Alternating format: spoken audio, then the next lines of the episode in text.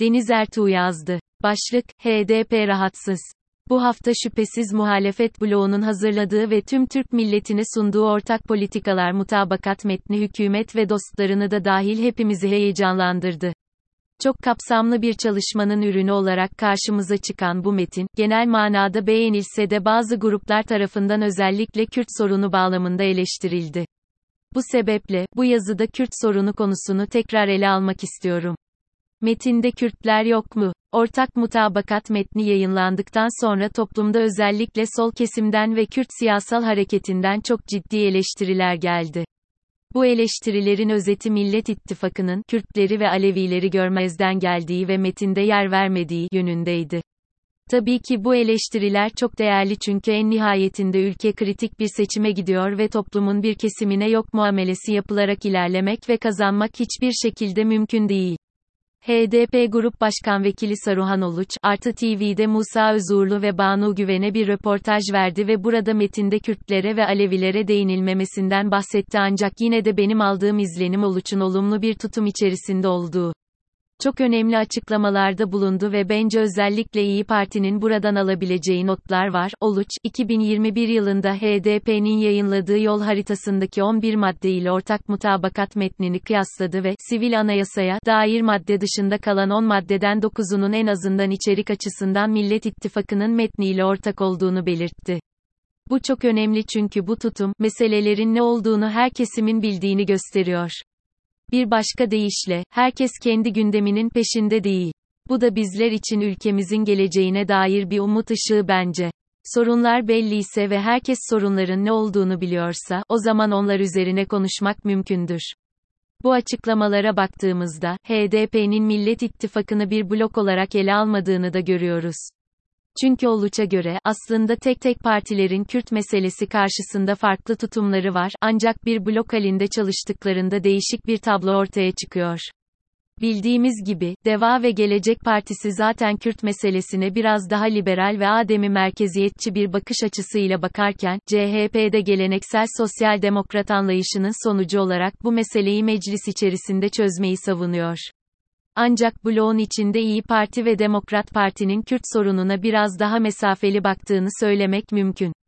Ben şahsen İyi Parti'nin mesafeli olduğunu değil, klasik Atatürk milliyetçiliği bağlamında tutum aldığını düşünüyorum.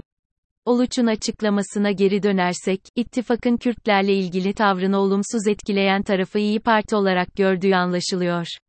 Asıl problemin ortak metinde Kürt sözünün geçmemesinden ziyade, Kürt halkının kimliksel ve kültürel sorunlarından bahsedilmemesi olduğunu belirtiyor. Genel beklentisi, bu metinde Kürtlerin kimliksel taleplerinin çözülmesine yönelik bazı yasal değişikliklerin yapılacağından bahsedilmesi. Zaten bu, ne zaman Kürt sorunu gündeme gelse, ifade ediliyor.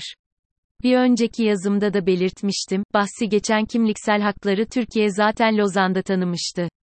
Bu şekilde duyduğunuzda, Lozan'ın olduğu gibi uygulanmasının Kürt sorununun çözümüne yeterli geleceğini düşünebilirsiniz fakat Oluç'un sözleri HDP'nin beklentisinin kültürel haklarla sınırlı olmadığını da gösteriyor. Demokratik ve barışçı çözüm Oluç'a göre, Kürt sorununa demokratik ve barışçı çözüm bulunması son derece hayati bir konu. Bu nedenle, ortak mutabakat metninin en büyük eksiği de eşitlik zihniyetinden yoksun olmasını olarak görüyor. Açıkçası Oluç'un terminolojisi AKP'nin açılım sürecini hatırlatır mahiyette. Belki HDP'nin Millet İttifakı'ndan böyle yeni bir açılım sürecine dair beklentisi olabilir. İyi Parti'nin buna en azından AKP yöntemleriyle razı gelmeyeceği ortada. Tabii bu yeni bir hükümet kurulduğunda konuşulacak bir konu. Sonuçta eğer yeni dönemde Kürt meselesi yeniden gündeme gelirse, o anki meclis dağılımı neticesinde bir sürecin işleyeceği kesin.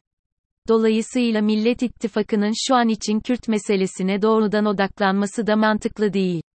Mutlaka Kürt seçmene bazı açıklamalar yapılması gerekiyor ama bunu yeni bir açılım süreci gibi görmek ve göstermek iyi niyetli olmasa gerek.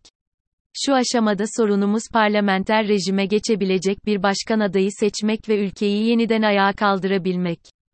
Nokta. Bu restorasyon şüphesiz Türklerin ve Kürtlerin beraber yapabileceği bir işbirliği neticesinde başarıya ulaşabilir. Böyle bir işbirliği de her iki tarafında makul noktalara gelmesiyle söz konusu olabilir.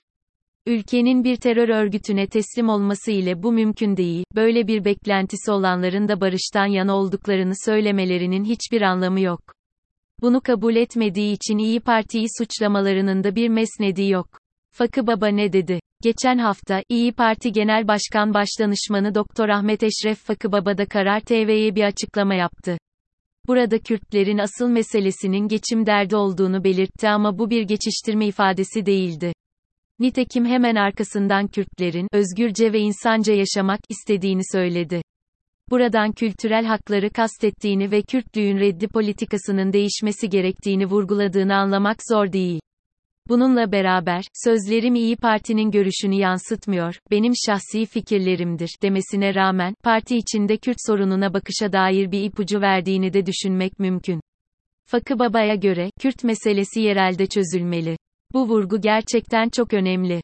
Çünkü bu, yerel yönetimlerin güçlendirilmesi konusunda ortak mutabakat metninde yer alan maddeyle de somutlaşmış bir fikir. Bu konu gündeme geldiğinde hep ülkenin bölünmesinden bahsediliyor ama yerelden başlayarak demokrasinin ve özgürlüğün yaşanılır olması ile terörle müzakere başka şeyler. Öte yandan Fakı Baba sorunun çözülmesinde sivil toplumdan, eğitim kurumlarından ve kanaat önderlerinden destek alınacağını söyledi. Bu da terör örgütlerinden destek alınması demek değil. Dolayısıyla benim anladığım İyi Parti'nin hiç olmazsa Fakı Baba şahsında temsil edilen bir kesiminin Kürtlerin kültürel haklarının teslim edilmesine ve yerelde geniş katılımlı bir demokratik yaşamın kurulmasına bir itirazları yok. Bu tabii ki bölgesel değil, ülkenin tamamında bir demokratikleşme sürecinin bir sonucu olarak olacaktır. Yoksa ülkeyi bölgelere ayırıp, herkes işine baksın, anlayışı olmadığı kesin. Metni doğru okumak HDP Grup Başkan Vekili Oluç bahsettiğim röportajında başta İyi Parti olmak üzere Millet İttifakı'nın HDP'li belediyelere kayyum atanmasına ve HDP'nin kapatılmasına bir itirazda bulunmadığını söyledi. Ama Fakı Baba'nın verdiği röportajda HDP'nin kapatılmamasından yana olduğunu belirttiğini de yazmış olayım. Dolayısıyla böyle topyekün karalama şeklinde konuşmak da yapıcı değil. Belki uzunca bir süredir HDP'li belediyelere yapılan baskı ve kayyum atamalarına karşın yaptıkları itirazı yeterince şiddetli şekilde ifade edememiş olabilirler ama en azından CHP'nin bu konuda HDP'yi desteklediği kesin. Kaldı ki şu aşamadan itibaren elimizde olan ortak mutabakat metnine dahi baksak, Oluç'un söylediği gibi bir yalnız bırakılma hali geçerli değil. Nitekim metinde parti kapatılmalarına dair 3 madde bulunuyor. Bunlardan en önemlisi, siyasi partilerin kapatılmasına ilişkin odak olma şartının yeniden tanımlanacağının belirtilmesi. Bu çerçevede, partinin kapatılması için belli fiillerin yoğun, sürekli ve demokratik düzene ciddi tehlike oluşturacak şekilde ve kararlılık içinde işlenmiş olması gerekecek. Bu yüzden Millet İttifakı'nın HDP'nin kapatılmasını desteklediği sonucuna nasıl varıldığını anlamak güç. Ayrıca kamu yönetimi başlığı altında yerel yönetimlere ayrı bir yer ayrılmış. Burada da yerel yönetimlerin siyaseten ve madden güçlendirilmesine değinilmiş. Hatta bazı projelerde sanal ortamda halk oylaması yapılacağı ve kent konseylerinin güçlendirileceği belirtilmiş. Bununla beraber, kayyum uygulamalarına son verileceği ve seçimle gelenin seçimle gitmesi usulünün güvence altına alınacağı vurgulanmış. HDP yetkilileri bu metinde açıkça yazılmış bu maddeleri de görmediler mi acaba? ANLAŞMAMAKTA anlaşmak bildiğiniz üzere, adaylık tartışmaları sürerken HDP kendi adayıyla yola devam edeceğini açıkladı. Bunun Türkiye'de muhalefetin seçimi kazanmasına nasıl bir katkı sağlayacağını yaşayıp göreceğiz. Ancak HDP çevrelerinde sık sık Gültan Kışanak'ın bir aday olarak öne çıktığı görülüyor. Bu isim henüz netleşmiş değil, nihai ismi Emek ve Özgürlük İttifakı beraberce belirleyecek. Bana göre, Kışanak iyi bir yerel siyasetçi ama Türkiye genelinde bir karşılığı yok. Nokta. Ayrıca cezaevinde olması da adaylığına bir engel teşkil etmeyecek mi?